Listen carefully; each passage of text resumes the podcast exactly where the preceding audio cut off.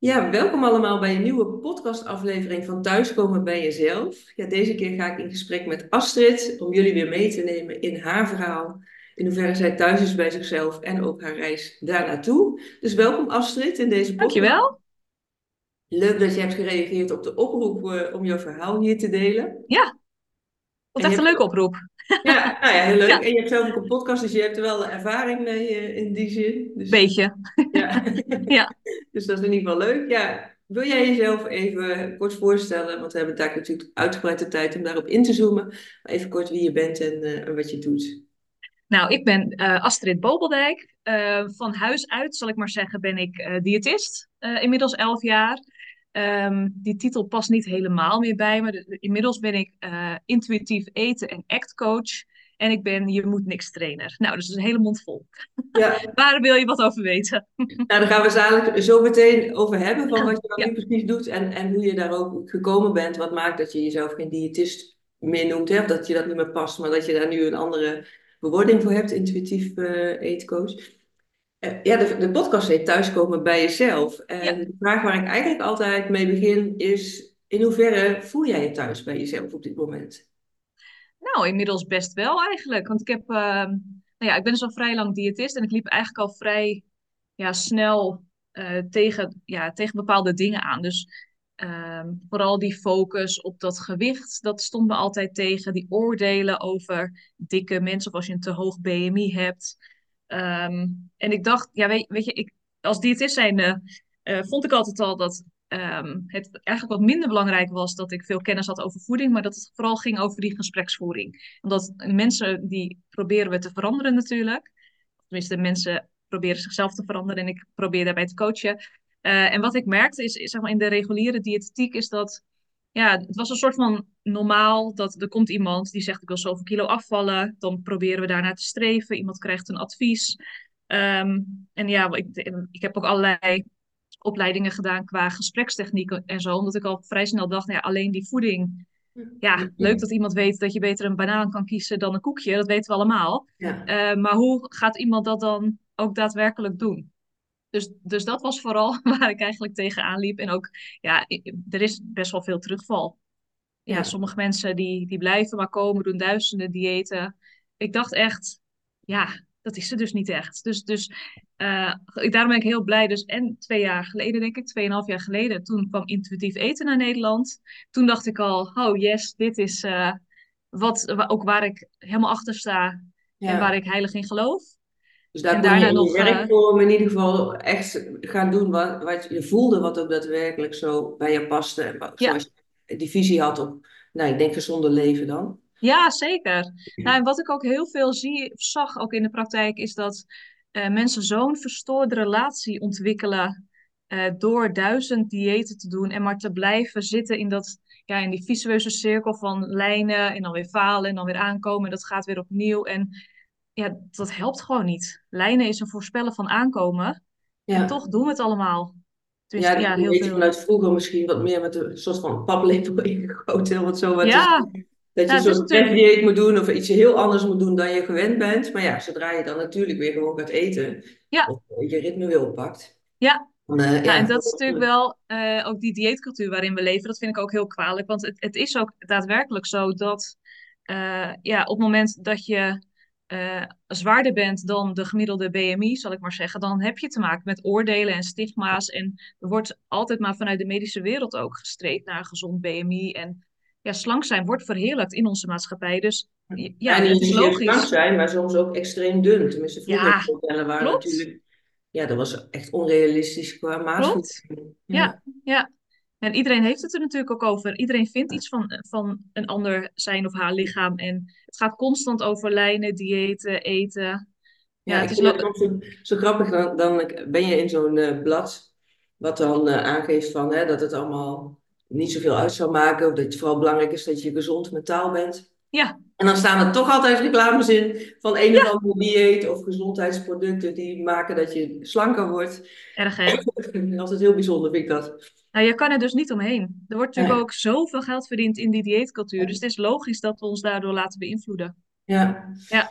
En je zegt dan van, nou, dat heeft in ieder geval gemaakt dat je daarin qua werkgebied je beter kon, uh, ja, doen wat bij je past. Ja. Als je het hebt privé, technisch op thuis zijn bij jezelf, hoe, hoe is dat voor jou? Nou, ik heb afgelopen jaar ook. ehm, ehm, nou, ik ben zelf ook gecoacht op het gebied van intuïtief eten. Dus dan was ik zeg maar de cliënt en dan werd ik gecoacht door een intuïtief eten diëtist. Daarna werd ik zelf die intuïtief eten diëtist.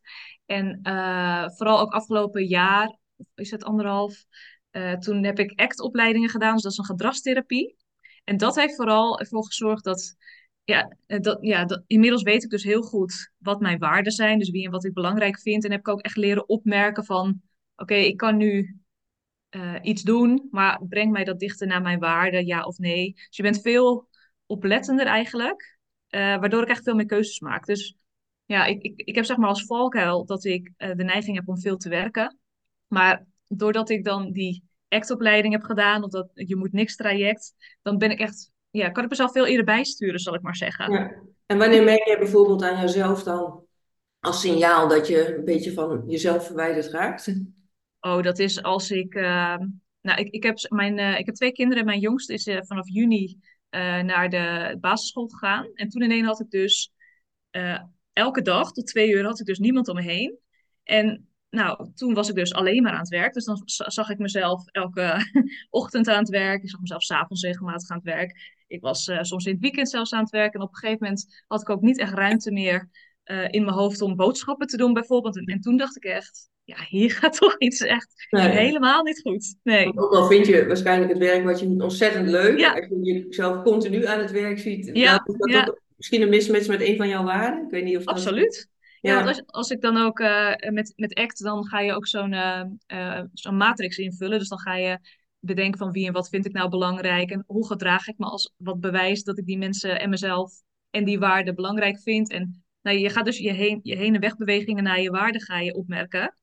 En eigenlijk werken, dat is altijd een wegbeweging. Want eigenlijk, nou ja, Ja. alleen naar persoonlijke ontwikkeling zou dat een heenbeweging kunnen zijn. Ehm, maar het is vaak wel kiezen tussen ga ik werken of ga ik eh, even rust hebben of tijd hebben voor mezelf? Of ga ik Ja. werken of ga ik iets leuks doen met mijn kinderen? Of ga ik Ja. werken of plezier hebben? Ja, Ja. heel vaak is het toch wel een wegbeweging eigenlijk. Want wat zijn bijvoorbeeld belangrijke waarden voor jou, waar je ja, meer misschien wel bewust van bent geraakt tijdens die opleiding? Ja, ik heb, ehm, eh, nou, in mijn waarden, daar sta ik. Dat is, een, dat is eentje die we vaak vergeten, maar ik moet daar ook staan, dat woordje ik. Wat Eh, mooi dat je die als eerste ook noemt. Ja, heel ja, vaak het- wel. Ja, goed hè? Ja, nou ja, is heel leuk om daar te horen hoe je daar dan toe gekomen bent. Want heel vaak wordt het bestempeld als egoïstisch. Of mensen zetten zichzelf heel erg aan de kant. Want ja, Ja. je kan jezelf toch niet op één zetten. Terwijl, nou ja, ik ben benieuwd wat maakt voor jou in ieder geval dat je jezelf dat nu wel als eerste zo kan noemen. Ja, nou ja, inmiddels merk ik, ook, ja, weet ik ook wel dat, dat als het met mij goed gaat, gaat het met de mensen om me heen ook goed. Ja, ja, Ja. dat is wel een leermoment, Ja, maar dat is absoluut zo. Ja. En ik mag ook gewoon even tijd voor mezelf hebben. En, want als ik ook te veel aan anderen denk, dan word ik ook gewoon helemaal naar. Ja, dat, eh, daar word ik gewoon niet blij van. Nee, gaat je energie anders stromen. En eh, dat Zeker. mensen natuurlijk in je omgeving ook weer. Ja, Dus als jij lekker in je vel zit, dan eh, Klopt. anderen dat ook. Ja. Zeker, ja, Ja, dus jezelf meer op één zetten of op één zetten, dat is een belangrijke. En had je nog meer? zeker. Eh, mijn eh, gezin staat ook absoluut bij die, eh, ehm, bij die wie en wat ik belangrijk vind en mijn beste vriendinnen. En als je dan kijkt naar de, de waarden, dan heb ik volgens mij persoonlijke ontwikkeling, vrijheid, het belangrijkste, rust, plezier en ik had er nog een. Nou, rust, plezier en liefde had ik. Ja, Ja. liefde. Ja. Dus Ja. dat zijn de, de, de focuspunten. Ja. Ja. En op wat voor manier ben je er dan mee bezig om te zorgen dat die ook voor jou ja, zichtbaar blijven? Of in ieder geval dat je daar alert op blijft? Eh, nou, op dit moment, eh, ik ben nu ook sinds kort Je Moet Niks trainer. En dat is een, eh, een leefstijl, eh, zeg maar, act, en leefstijlcursus eh, ontwikkeld door eh, Heidi Stiegelis. En bij haar heb ik ook alle opleidingen gedaan. En daar ben ik nu dus vrij veel mee bezig. Dus ik ben nu, ik word zeg maar ook getraind door mijn buddy. En ik train mensen ehm, bij, in dat hele Je Moet Niks verhaal. En daardoor blijf je ook eigenlijk wel Ja. scherp. Want dan, ik heb het er zo vaak over met, met iedereen. Dus dan automatisch dan ja, Heb je die spiegel ook voor jezelf? Ja. Ja, zeker. Ja, ja. Ja. heb ook overal moodboards en zo en herinneringen in mijn telefoon van, oh ja, denk er nog wel even aan. Dus Ja. ja, Ja, dus je hebt overal van die momentjes dat je denkt, oh wacht even, dat eh, Ja. je weer even alert bent van wacht eens even, hoe ga ik er zelf eigenlijk mee om? ja, klopt. Agendapunten heb ik ook. Dat ik even denk van, hoe, hoe zit ik erin? Eh, kan ik nog een plan maken voor de aankomende week waar ik dan extra op kan focussen? Dus Ja. ik houd mezelf wel scherp daarin. Wel helpend voor de mensen die misschien kijken of luisteren van zorg dat je bepaalde prikkels voor jezelf hebt, dat je daar even weer op geattendeerd wordt. Zeker. Inderdaad, wat je zegt, een moodboard, wat je ziet, of als je in gesprek bent met mensen, dat je die, die Ja. spiegel voor jezelf weer hebt. En dan ook even jezelf misschien de vraag stelt van, ja, maar wacht eens even, hoe doe ik het eigenlijk zelf? Ja, het is altijd eh, heel handig om even op die pauzeknop te drukken. En even Ja. te bedenken, hoe sta ik erin en hoe zou ik erin willen staan? Ja. Hoe kan ik, wat, wat kan ik aanpassen? Nou ja, dat is Ja. zeker wel belangrijk, want wat ik ook veel zie en ook weet van mezelf, op het moment dat je druk bent en met allerlei dingen bezig bent, ja, dan mis je het kunnen hebben van een helikopterview en dan Zeker. ben je met zoveel dingen tegelijkertijd bezig om jezelf dan de vraag te stellen, hoe sta ik er zelf in? Ja. Lukt dan vaak niet, ben je helemaal niet bewust mee bezig. Nee, Als je even klopt. afstand neemt, of je gaat even een stukje wandelen, of even dat momentje voor jezelf hebt. Ja. En dan ook jezelf een soort van die gewoonte aanleert om die vraag dan even voor jezelf te stellen. Ja, klopt. Zit ik nog op de weg? Ben ik nog tevreden met wat ik doe? Blij met wat ik doe? Qua energieniveau ook. Dan ja, kun je het ook bijsturen. Ja. Ja. Maar Dus dat dat vergt inderdaad wel- een herinnering of zo. Ja, of Ja, ja, dat je even die prikkel hebt. Ja, Ja. voor je het weet, nou ja, jij kent het bij jezelf ook, ben je alleen maar aan het werk en dan mis je dat helemaal. Zeker, ja. Hey, en je zei dat je elf jaar nu diëtist bent, want hoe oud ben jij? 36. Ja, dus dan kan ik me zo voorstellen dat je daarvoor dus iets anders hebt gedaan qua werk. Of, Ehm, nee, ik ben eh, ik, op mijn eh, 25ste ben ik afgestudeerd, zeg ik dat goed? Ja. Eh, ja, ja, op mijn 25ste ben ik afgestudeerd als diëtist. En met 2,5 jaar later ben ik mijn eigen praktijk gestart. Ah, Oké, ja, want had je, had je, had je in de ondernemers in de familie dat je daar dacht van oké, ik ga mijn eigen praktijk beginnen?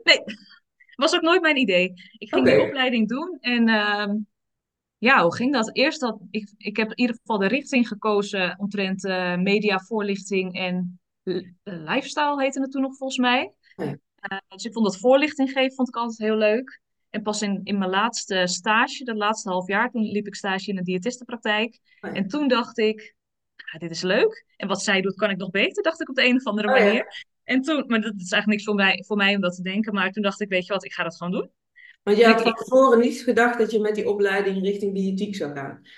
Nou, ik dacht misschien bij de allerhande werk of zo. Oh ja. iets. eh, ik had inderdaad niet bedacht dat ik eh, constant zeg maar, in gesprek was met mensen. En eh, sowieso het ziekenhuis, dat vond ik sowieso helemaal niks. Nee. Ehm, dat, dat medische, dat is niet, niet mijn ding.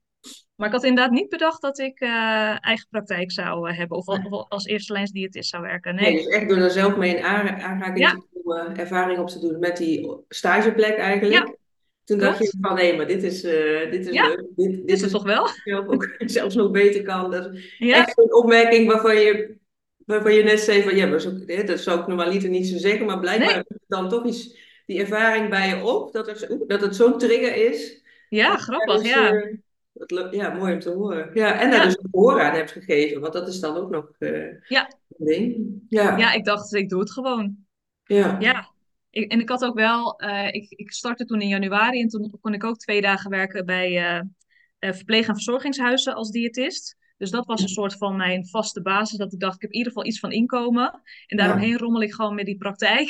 Ja, En, nou, toen, ik heb daar twee jaar gewerkt en toen liep de praktijk gewoon zo goed dat ik, dat, ik dat niet meer nodig had.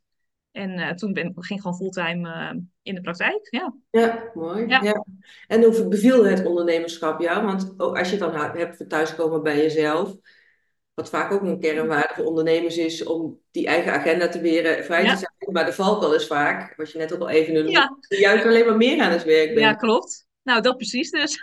Ja, Ja, nou, ik vind inderdaad, eh, ehm, wat ik heel fijn vind aan het ondernemerschap, is inderdaad die eigen agenda plannen. Ehm, en de valkuil is absoluut inderdaad eh, te veel werken. Dat heb ik ook, weet je, in het begin was de praktijk natuurlijk nog niet vol of zo. Dus dan werkte ik 's ochtends, middags, avonds, weekend. Weet je, voor iedereen die er een tijd riep, dacht ik, nou, dan ben ik er gewoon. En toen Ja. was er op een gegeven moment ook wel een, tijd, een, een- ja, een moment dat ik dacht, nou, dit gaat niet helemaal lekker werken. Dus waar merk je dat dan aan voor jezelf? Dat het niet ja, ik was echt eh, een beetje hartklopping en zo had ik helemaal. Ja, Dus je lijf geeft echt signalen van, wacht eens ja, even, dit is niet iets om langer door te gaan op deze manier. nee. Nee, dat was het echt niet. Toen ging ik ook die werktijden inkorten. En eh, grappig is dan, als je gewoon aangeeft, dit zijn mijn werktijden, dan, iedereen past zich ook gewoon daarin. Ja, Ja. Wanneer eerst zeggen van, dat kan ik niet, en je noemt ja het precies. gewoon grens, of je stelt Ja, een, een blok en dan kan het ineens wel, inderdaad. Ja. ja, ja, klopt. Ja. Dus dat had ik vrij snel bijgestuurd, gelukkig. En sindsdien heb ik dat moment ook nooit meer gehad. Ja. Nee, nee. Ja. Dus daarom ben je wel in die zin trouw aan jezelf van, oké, dit zijn mijn werktijden, dit is mijn eigen tijd, en om daar wel ja. op te houden. Ja. Nou ja, op een gegeven moment, eh, ja, ik kreeg ook kinderen. Dus eh, in, ik heb al vrij lang ook twee meiden in dienst, twee diëtisten. En eh, tijdens mijn verlof ook, ja, merkte ik dat ik gewoon prima misbaar was. Ja. Dus ja, of ik nou, het was, dat was echt wel een heerlijke ervaring. Dat ik dacht, Ja. de hele toko draait gewoon door. En ik ben er niet. Dus ja, nu werk ik ook drie dagen. Probeer ik tot, tot drie dagen te, te doen. Eh, waarvan één dag spreekuur en de rest werk ik thuis. Anderhalf Ja. dag spreekuur soms. Maar dat is echt inderdaad gewoon eh, luxe. Ja. Ja, Nou, en een mooie ervaring, dus dat doe je, dat je kinderen kreeg, ja, dan moet je wel even die uitstap maken van dat je niet beschikbaar bent. ja, Dat je dus ook merkt van, oké, ik, ik ben onmisbaar. Het draait door, in ieder geval, hè, dat, eh, op het moment dat je er even niet bent. Ja heerlijk. Ja, Vaak ook het idee wat mensen hebben van, ja, maar wacht eens even, ik moet er toch zijn of ik moet beschikbaar zijn als er iets is. Of, eh, ja, er ja. gebeurt niet zoveel wat. Nee, dus dat is wel fijn. Dan kan ik me voorstellen om te merken dat je daar dus ook nog meer die ruimte voor jezelf dan daarna kan Ja, heerlijk. Ik vind het echt een, echt een cadeautje ook inderdaad dat ik eh, zo- zulke fijne eh, meiden als collega's heb. Die, ja, die zijn gewoon helemaal top. Dus dan met een Ja. gerust hart laat ik het ook aan ze over. En ik weet dat als er echt iets is, dan hoor ik het wel. En Ja. ja, ik kan gewoon mijn eigen die visie, die visie die je hebt over hoe om te gaan met voeding en lichaamsbeeld? Eh, Eh, ja, grotendeels. Ik, ja, mijn, ehm, kijk, ik, ik ben natuurlijk vooral voorstander van intuïtief eten. En eh, ik weeg ook nooit meer met mensen. Ehm, maar het is toch wel zo, kijk, de- daarom staat die hele titel diëtisme een beetje tegen. Omdat mensen toch verwachten, ik ga naar een diëtist, daar ga ik wegen. Die gaat mij vertellen wat ik wel en niet mag eten. ja, En die lijstjes eh, met ja, dat, ja, dat willen ze en het liefst. Ja. Ja, en als, en als ik dan aankom met, ja, eh, je bent goed zoals je bent en eh, je mag alles eten wat je wilt. En ja, dat is toch niet helemaal de verwachting van Een iedereen. Dus soort error wat je dan ziet ja, gebeuren bij mensen in hun hoofd van, wat zeg ja, nou? klopt. Ja. Dus, dus Ja, mijn collega's zijn wel iets ook meer, die gaan daar wel iets in meer in mee, merk ik. En dat, en dat is ja, prima. Ik, ik kan het gewoon zelf niet meer. Ik kan daar niet meer aan meedoen. Ehm, maar zij, ja, zij hebben ook andere specialiteiten, zoals prikkelbare darm en zo. Die mensen zie ik ook helemaal niet. Dus die doen zij ook allemaal. Dus ja. het staat ook wel, wel duidelijk ook op de website en zo van dat dat on- wel onze visie is. Ja, Ja. ja, En hoe leg je dat dan uit aan mensen? Want ze komen dan bij jou met zo'n idee van ik krijg een lijstje of ik mag vooral ja, veel niet. En dan zeg je, ja, je mag, je mag, je bent goed zoals je bent, je mag alles eten. En, en hoe leg je dat dan uit als mensen daar eh, Nou, wat ik vooral probeer, eh, probeer uit te leggen is. Nou, ik probeer ze te laten inzien dat wat zij deden in het verleden, dus van dieet naar dieet naar dieet, dat dat niet werkt.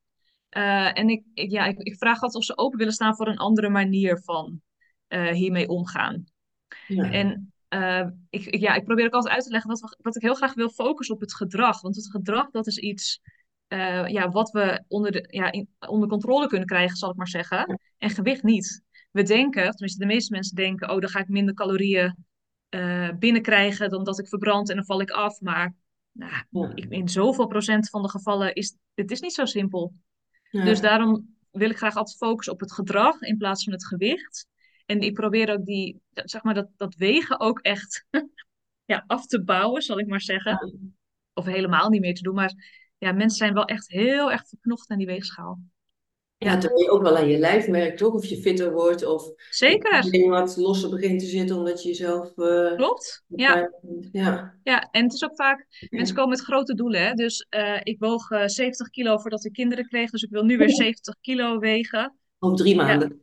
Ja, precies. Het liefst gisteren. Ja, Ja. dat, ja dat, dat, dat, en mensen denken ook van, ja, toen woog ik zoveel kilo en toen voelde ik me goed.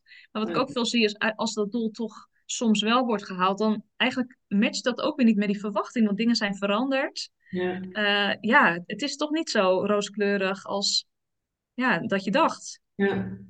Ja, dus daarin is het dus inderdaad belangrijk dat je zegt van eh, het gaat om een patroon te veranderen en misschien ook wel Ja, je zelfbeeld ja, van hè, wat wat, hoe, hoe kijk jij naar jezelf en ja, wat, wat vind je van jezelf in plaats van dat het een afspiegeling is van wat de maatschappij van je verwacht? Klopt. Ja. Wat heeft jouw lijf misschien ook wel nodig? Want de een is de ander ook niet, kan zo Zeker. Ja. Nou, en ook door heel veel uh, uh, yo-yo in het verleden, dan denkt dat lijf ook op een gegeven moment, je kan op je kop gaan staan, ik ga niks meer doen. Dus dan, ja, je hebt, je hebt echt zo weinig grip ook op de vorm van je lijf of het gewicht. Dus daar, ja, daar focussen we echt niet op. We gaan in, tenminste, ik zit altijd op uh, en de relatie met eten verbeteren. Uh, en je gedrag uh, inderdaad veranderen. En dat doe ik dan door middel van ACT, dus die gedragstherapie of je moet niks. Dus, dat, ja. dus die drie dingen, dat, dat is wel waar ik altijd mee bezig ben eigenlijk. Ja, en dan zit je ook een paar keer zeggen, je moet niks. Maar ja. en hoe motiveer je mensen dan wel om wel naar dat gedrag te kijken? Want ze hebben wel iets te doen. Want als ze hetzelfde ja. blijven doen, dan hou je hetzelfde resultaat. Hè? Of je wordt zelfs misschien nog minder blij van jezelf of minder mm -hmm. energie, omdat je gewicht nog meer gaat toenemen. Uh, dus het voelt ook als een soort contrast. Je moet niks, maar misschien zit het in het woord moeten. Ja. en, terwijl ze willen ook verandering. Ja, klopt. En um, nou ja, hoe dat werkt met je moet niks, dat is een um, uh, ja, soort leefstijlcursus noemen we het dan. En dan, zeg maar, wat het resultaat daarvan is, is dat je uh, mentaal fit wordt. En op het moment dat je mentaal fit wordt, dan kan je dus, heb je dus veel meer grip op je gedrag eigenlijk. En ja, dat is natuurlijk wat we nodig hebben. Want ik vraag ook wel eens aan mensen: kijk, stel nou dat je mag kiezen. Um, wil je of het perfecte slanke lichaam, of zou je graag grip willen hebben op je uh, eetkeuzes en, je, en je, zeg maar, de keuzes ook die je maakt in je leven? Ja, dan zeggen ze eigenlijk allemaal: ja, ik heb toch liever grip op uh, mijn eetgedrag en mijn keuzes. Ja, en denk ik, ja, dat... keuzes alleen op eten, maar zelfs groter dan dat, zeg je al. Ja. Keuzes in je leven. Ja. Ja, ja, want eten is natuurlijk zo breed. Ik bedoel, we gaan eten als we verdrietig zijn, als we niet lekker in ons vel zitten, als we geïrriteerd zijn, boos. En hoe komt dat dan? Blij? Ja. ja. Waarom, waarom eten we niet? Ja. Nou ja, je kan het ook niet, niet doen, zeg maar. Hè? Je nodig. Dus het is ook niet een prikkel waarvan je kan zeggen, dat vermijd ik een tijd. Nee, hè, roken of zo. Bijvoorbeeld kan je zeggen, ik drink een tijd geen alcohol. Nee, ja, dat moet je toch blijven doen, want anders is het snel afgelopen. Ja. En dat maakt het ook zo ingewikkeld natuurlijk. Ja. Ja. En we weten inmiddels ook wel dat zeg maar, als je dingen niet mag, dan wil je het juist. Ja, dus dan ja. komt er juist heel veel druk op dat eetpatroon. En als je dan toch iets neemt wat je niet mag, waar je een oordeel over hebt, dan is de kans groot dat je doorslaat. Dan krijg je een eetbui. Ja. Nou, en, en, dan blijf je maar in dat cirkeltje doorgaan. Dus... Je daarna weer slecht over jezelf, ja. gevoel, boos. Ja. En, ja. dan wordt die prikkel naar dat eten weer groter. Ja. Klopt, ja. Nou, wat ik zelf ook, ik heb jarenlang in de GGZ gewerkt ook. En daar was het ook van bijvoorbeeld met stoppen met roken begeleiden, heb ik ook gedaan. Dat je niet zozeer focust op dat je per se wil stoppen met roken. Want nee. wordt ook weer zo. Maar als je zegt van ik heb als doel, ik wil gezonder leven. Dus je gaat meer sporten. Of, hè, je, je, gaat inderdaad uh, let op je eetpatroon. Andere dingen die je doet om fitter te worden. Ja, op een gegeven moment past dat roken er niet meer bij. Dus dan nee, wordt het, klopt. gaat het steeds meer schuren. En wordt het makkelijker om te stoppen dan dat je alleen maar daarop focust. Inderdaad. Ja. Om, ja, dat als enige doel hebt. Terwijl je daar niet iets als vervanging in de plaats voor hebt. Nee, klopt. En dat is inderdaad ook wat we doen met, uh, uh, met Je Moet Niks. Want je gaat heel erg nadenken over wie en wat vind ik nou belangrijk in mijn leven. En uh, je gaat je echt, je, je, ja, je gaat je opmerkzaamheid trainen. Dus je, gaat, je hebt heel erg door. bijvoorbeeld, nou, bijvoorbeeld met dat roken. Als, ga ik nu een sigaret nemen omdat ik bijvoorbeeld ja. geïrriteerd ben. dan heb je altijd een keuze. Alleen je hebt, dat keuzepunt heb je pas door op het moment dat je leert opmerken. Want we doen 95% van ons gedrag doen we automatisch. Ja. Dus als jij niet, niet hebt leren opmerken dat je een keuze hebt, dan heb je die sigaret alweer in je mond. Of die, ja. Die mars of die weet ik veel uh, wat. Ja, ja. Uh, dus die... is ook nog belangrijk, want ik heb zelf die, ik heb ook jarenlang in de verslavingszorg gewerkt. Oh ja. en wat mij zo opmerkte, was één keer was ik in de auto. En toen had ik een zak dropjes naast me liggen. En toen had ik mezelf voorgenomen, als ik, hè, totdat ik van de snelweg af ben, neem ik geen dropjes meer.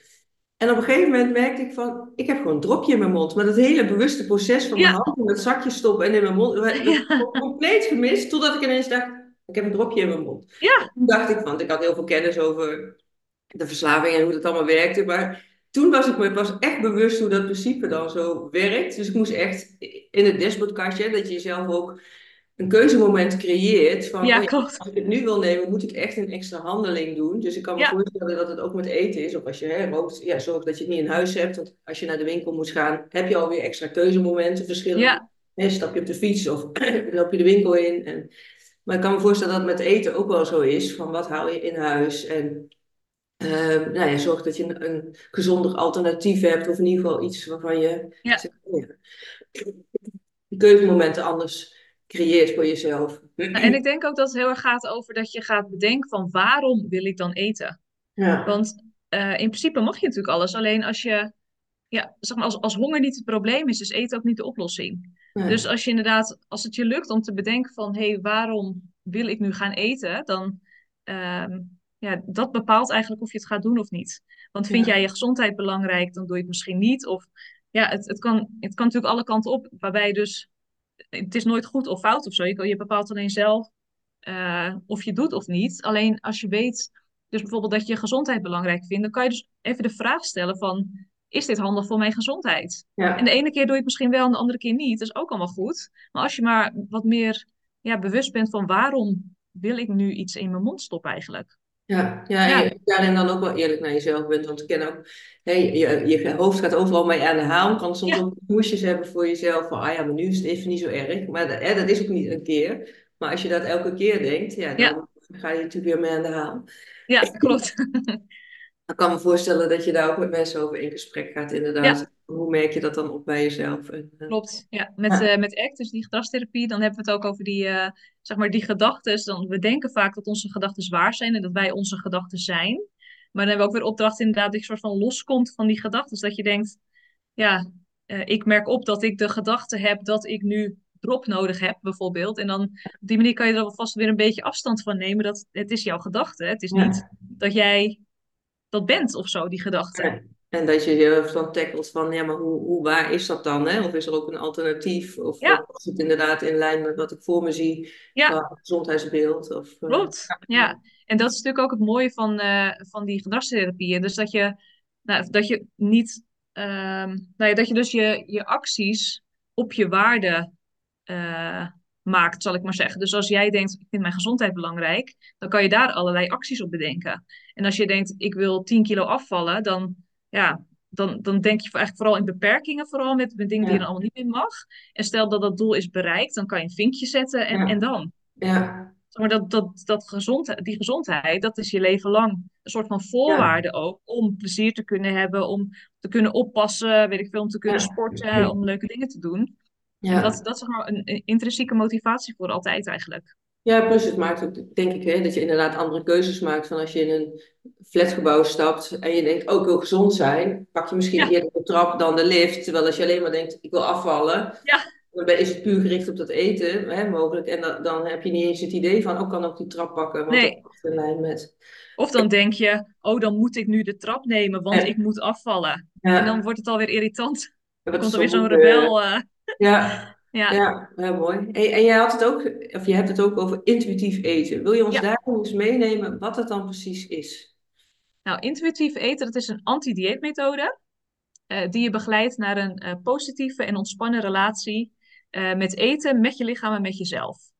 Dus wat ik dus veel zie is dat nou, vooral vrouwen een totaal verstoorde relatie hebben ontwikkeld door al dat lijnen in het verleden.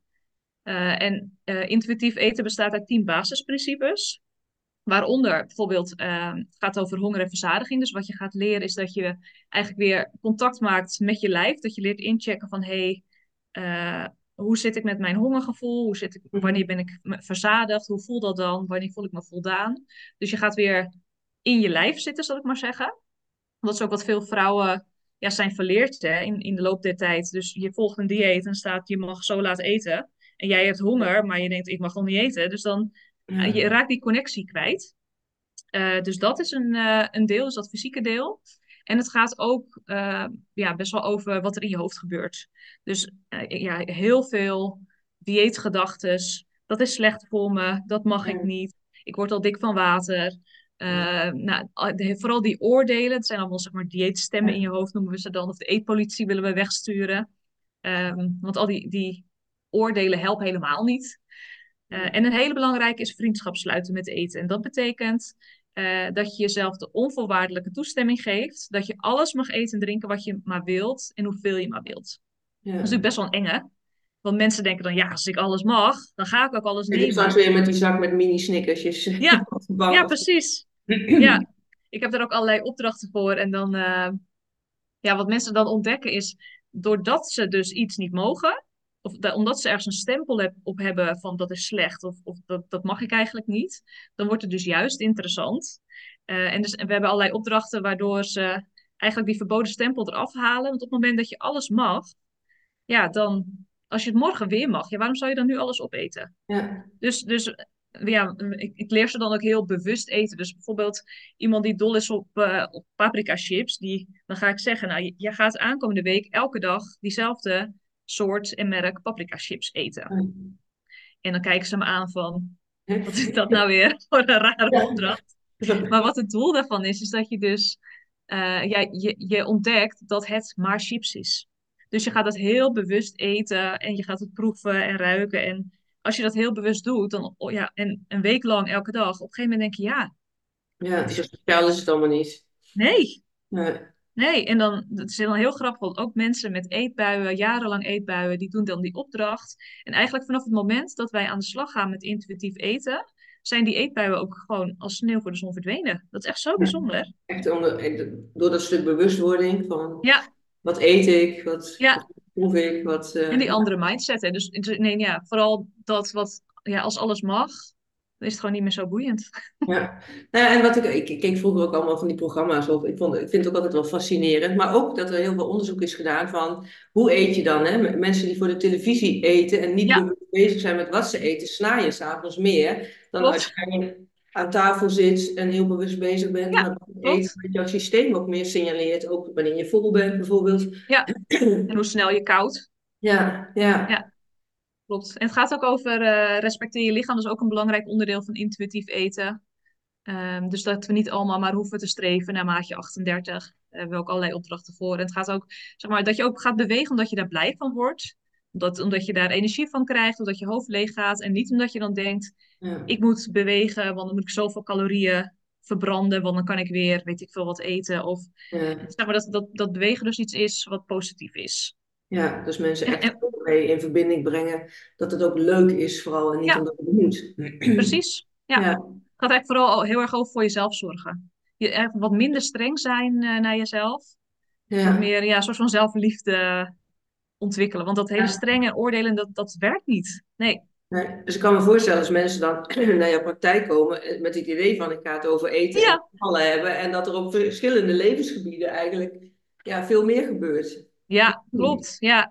Nou, het is ook wel leuk, want met de mensen die, eh, eh, die ik dan zie, dan... eh, Zeg maar eer, nou ja, laten we zeggen, mensen die bijvoorbeeld een jaar geleden al bij mij in de praktijk waren, en daar heb ik het nu over die gedragstherapie en zo. En zij, zij denken dan wel van, ja, dit is dus eigenlijk wat ik nodig heb. Want ik wil inderdaad en wat relaxter omgaan met eten. En ik wil weer grip hebben op mijn eetgedrag. Of ja, heel veel mensen gaan ook niet lekker op hun werk. Of het, het, gaat, het is natuurlijk zoveel breder dan Ja. Alleen dat eten. Dat vind ik juist zo leuk. Ik heb bijna niet meer over eten. Vind ik echt heerlijk. Ja, ja, Ja. om dan ook te zien hoe dat dan zo'n proces helemaal verandert. Hè? Ja. Dat, eh, ja. Maar het is inderdaad wel een hele andere verwachting dan eh, hoe mensen bij ons binnenkomen. ja. Ik doe dat eigenlijk niet meer. Nee, ik kan daar niet meer aan meewerken. Nee, nee, Nee. en dat is ook mooi als je het dan hebt van het gehoor geven aan jezelf. Van, oh ja, hè, dat schuurt zo, dat je zegt ik kan Ja. er niet meer meewerken. En dat er dus dan ook iets op je pad komt. Hè, wat je zei, twee jaar geleden kwam het intuïtief eten naar Ja. Nederland. Dat er dan dus wel weer een vorm is waarin je nog steeds kan blijven doen wat je ontzettend mooi vindt om mensen daarin bij te staan. Dat het Ja. een andere vorm soort van krijgt. Maar dat je nog steeds ja, kan blijven doen wat je deed, maar op een andere manier. Ja, klopt. Ja. Ja. En het liefst zou ik ook nog ontsnappen uit de greep van de zorgverzekeraars. Ja, ja.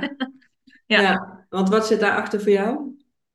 Nou, wat eh, zeg maar nu in de praktijk heb ik allerlei contracten met zorgverzekeraars. En, nou ja, en ik vind, zij zitten heel erg op eh, in het ziekteklachtenmodel. Dus je gaat iets mankeren en dan pas gaan we een soort van proberen die klachten te verminderen. En dan is het gelukt of zo, zeg maar. Ja. En eh, wat ik ook heb geleerd bij, eh, bij Heidi en, en dat hele Je moet niks traject ook, is dat eigenlijk zitten we liever op, in het gezondheidswaardemodel. Dus dat is meer preventie. Dus op het moment dat je ja, weet wie en wat je belangrijk vindt, dan eh, kan je daarna leven. En ja, ik ben veel grotere voorstander van preventie dan ja, dweilen met de kraan open, wat eigenlijk nu vooral gebeurt in eh, de medische wereld.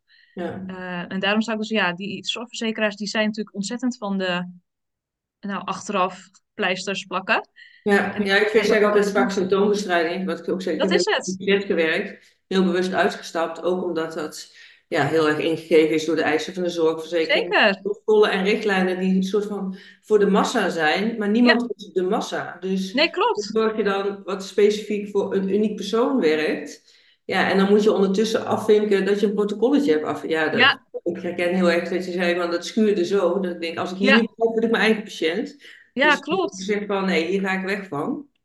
En daarom heb, ben ik ook eh, Eet Gelukkig gestart. Want dat is zeg maar mijn. Ik heb dan de praktijk en eetgelukkig.nl is dan mijn online ding waarbij ik dan het alleen maar heb over intuïtief eten en ehm, nou, ACT en je moet niks. En dat, dat is zeg maar een soort van mijn, mijn nieuwe liefde, zal ik maar zeggen, waarbij ik, daar doe ik niks met zorgverzekeraars. Dat doe ik gewoon mijn eigen ding. En dan in de praktijk ben ik dan nog een soort van slaaf van de zorgverzekeraars. Maar Ja, ja, dat schuurt mij wel. Ja, ja, ja. Nou, en volgens mij komt daar ook wel steeds meer in kentering, omdat er ook steeds meer mensen zijn die ook wel naar buiten durven te stappen, sowieso qua invulling van hun werkwijze en praktijk, zeg maar. En dat mensen er ook wel bewust voor kiezen om dan het maar zelf te betalen, hè, als ze in de gelegenheid zijn, of ze zorgen dat ze dat kunnen, dan maar in die red race, ook hier in hè, de, de medische molen van, ja, wat we altijd gewend zijn om te doen, maar wat inderdaad heel vaak ziektegericht is. Hè. Of je nou kijkt naar gezondheidszorg, eh, mentaal, maar ook fysiek. Ja, je gaat naar een ziekenhuis, maar je wilt toch beter worden? Alleen Ja, het woord al. Ja, toch? ja, klopt. Ja, ja. En daarom is ook deze podcast wel om mensen daarop te attenderen dat het dus veel meer is dan als je bepaalde of klachten ervaart of iets wil met je gezondheid, mentaal of fysiek. Ja, je kan naar die huisarts stappen en in die medische Pilletje vragen. komen. Ja, en dan hè, dat, dat je weer door allerlei hoepeltjes moet springen wat, wat de Ja, maatschappij vindt of wat voor de massa is. Terwijl, nou ja, wat jij nu heel mooi zegt, dat je daar ook een andere visie op hebt. Ja, dat moeten mensen wel weten. Dus ik vind het ja, mooi dat je dan hier je verhaal deelt. Hè, zodat mensen dan ook weten van, oh ja, maar er is dus meer dan alleen maar ja. reguliere gezondheidszorg. Nou ja, en ik denk ook de manier waarop ik nu werk is veel effectiever. Ik geloof echt dat er, dat er amper terugval is. Als je nu bij mij onder behandeling bent geweest, dan, dan hoef je niet volgend jaar weer bij een diëtist te zitten of weer een dieet te doen. Of, dat is gewoon klaar. Het is Maar gewoon nu. omdat het duurzaam Ja, verandering is, niet, klopt. niet symptoombestrijding van, oh ja, we halen even hè, die pleister plakken. Maar ondertussen zijn er allerlei processen die nog op de oude manier doorgaan. En dan komt Ja, er wel weer een keer iets waardoor je er weer last van krijgt. Terwijl zeker. als je echt naar je kern gaat van, oh ja, maar welke patronen heb ik te doorbreken en hoe kijk ik naar mezelf en wat is belangrijk hè, qua waarde, qua gezondheid en hoe past dat in jouw beeld? Ja, dan ben je echt eh, heel erg bezig met wie je in de kern bent in plaats van zeker. Symptoombestrijding. Veel Ja, effectiever. Ja, het is eh, echt eh, langdurige gedragsverandering voor altijd. Ja, ja, ja. Nou, mooi dat je daar eh, die bijdrage in levert ja, hierin. Want waar kunnen, als nou mensen nou denken van, hé, maar wacht eens even, daar wil ik wat meer van weten of ze willen met jou in contact komen, waar kunnen ze jou vinden? Nou, ik heb eetgelukkig.nl, mijn website. En op Instagram eh, kun je me vinden bij... En als je intypt Eet Gelukkig, dan zie je Eet Gelukkig met Astrid. Dus dan, eh, dan kan je me daar vinden. LinkedIn, nou ja, ik ben wel Facebook een beetje. Dus Ja, vooral daar. eh, en ik heb ook een eigen podcast. Nog niet heel veel afleveringen, maar die kan je ook via de website en ja. via, de, via Insta kan je die wel vinden. Ja, ik zal ook jouw gegevens in ieder geval in de show notes zetten. Dus Oh ja, mensen denken van, oh ja, wacht even, ik wil het even opzoeken. Dan weet in ieder geval dat je daar kan terugvinden. Zijn wij nog dingen vergeten, Astrid? Dat je zegt van, oh, daar hebben we nog geen aandacht op gehad. Eh, nou, misschien goed om te zeggen dat ik nog een eh, gratis e-book heb. En ik geef elke maand een, een gratis online masterclass. Dat heet Doei Dieet. En dan vertel ik eigenlijk hoe je kan ontsnappen uit de visueuze cirkel van eh, lijnen, falen en weer aankomen. En dus dan ook uit hoe het anders kan. Ja, dus daar waar we nu een beetje de tipje van de sluier hebben Ja, opgelicht, ga je daar dan nog verder op eh, ja, in. Mensen zeker. aan de slag kunnen. Ja, Ja, mooi.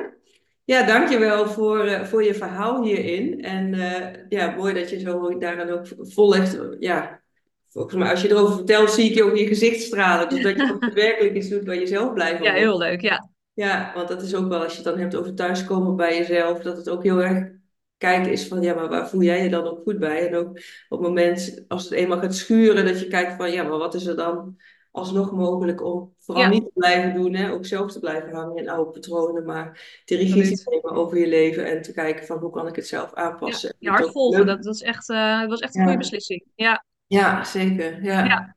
Nou, mooi, dankjewel. En uh, voor de mensen die uh, gekeken hebben, dan wel geluisterd, laat ons vooral ook weten wat je uit deze aflevering haalt. Stuur ons even of een DM, of laat ons even weten via social media dat je ons echt even tagt, zodat ook deze aflevering bij nog meer mensen terechtkomt. Want Nou ja, hoe mooi is het als nog meer mensen hier de aandacht op kunnen vestigen, in ieder geval ja, tips en tools hebben om er op een andere manier na te kijken dan dat ze misschien gewend zijn vanuit wat we hebben meegekregen.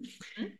Ehm, ja, dan zou ik zeggen, dankjewel uh, nogmaals voor je verhaal. En dan uh, wens ik iedereen, zoals ik altijd afsluit, een hele mooie dag en een heel mooi leven. En tot de volgende aflevering. Ja, dankjewel voor het luisteren naar dit gesprek met Astrid. Weer mooi hoe ook Astrid hier haar uh, weg in heeft gevonden om vooral haar hart te blijven volgen. En ja, niet door te gaan met wat bijvoorbeeld de zorgverzekeraars vinden dat we moeten doen, maar dat ze echt haar eigen weg daarin vindt en volgt en jou daar dus op een gezonde manier in bij kan staan. In de show notes kun je dus haar gegevens vinden, dus zoek haar vooral op als je meer van haar wil weten. En wil jij nou zelf ook zorgen dat je een leven leidt waarin je de regie neemt over wat je wil in lijn met jouw waarden? Neem dan contact met me op, stuur me een DM, want dan gaan we samen inzoomen op jouw leven, wat je belangrijk vindt. En gaan we zorgen dat 2024 jouw mooiste jaar wordt en dat het de opstap gaat zijn van jouw mooiste leven. Want de principes die we, Astrid en ik, bespraken over als je kijkt naar eten en naar leven, ja, dat is ook waarin ik jou in bijsta om te zorgen dat je bewustwording creëert van wat vind jij nou echt belangrijk in het leven en hoe doe jij wat voor jou belangrijk is, even los van wat je misschien hebt geleerd in wat je zou moeten doen qua werk of qua leven. Maar dat je echt weer in lijn komt met voelen vanuit jouw systeem wat bij je past. In plaats van te doen wat hoort. Nou, wil je daar meer over weten? Stuur me een DM. Nogmaals, dan plannen we een kennismaking, gaan we daarop inzoomen.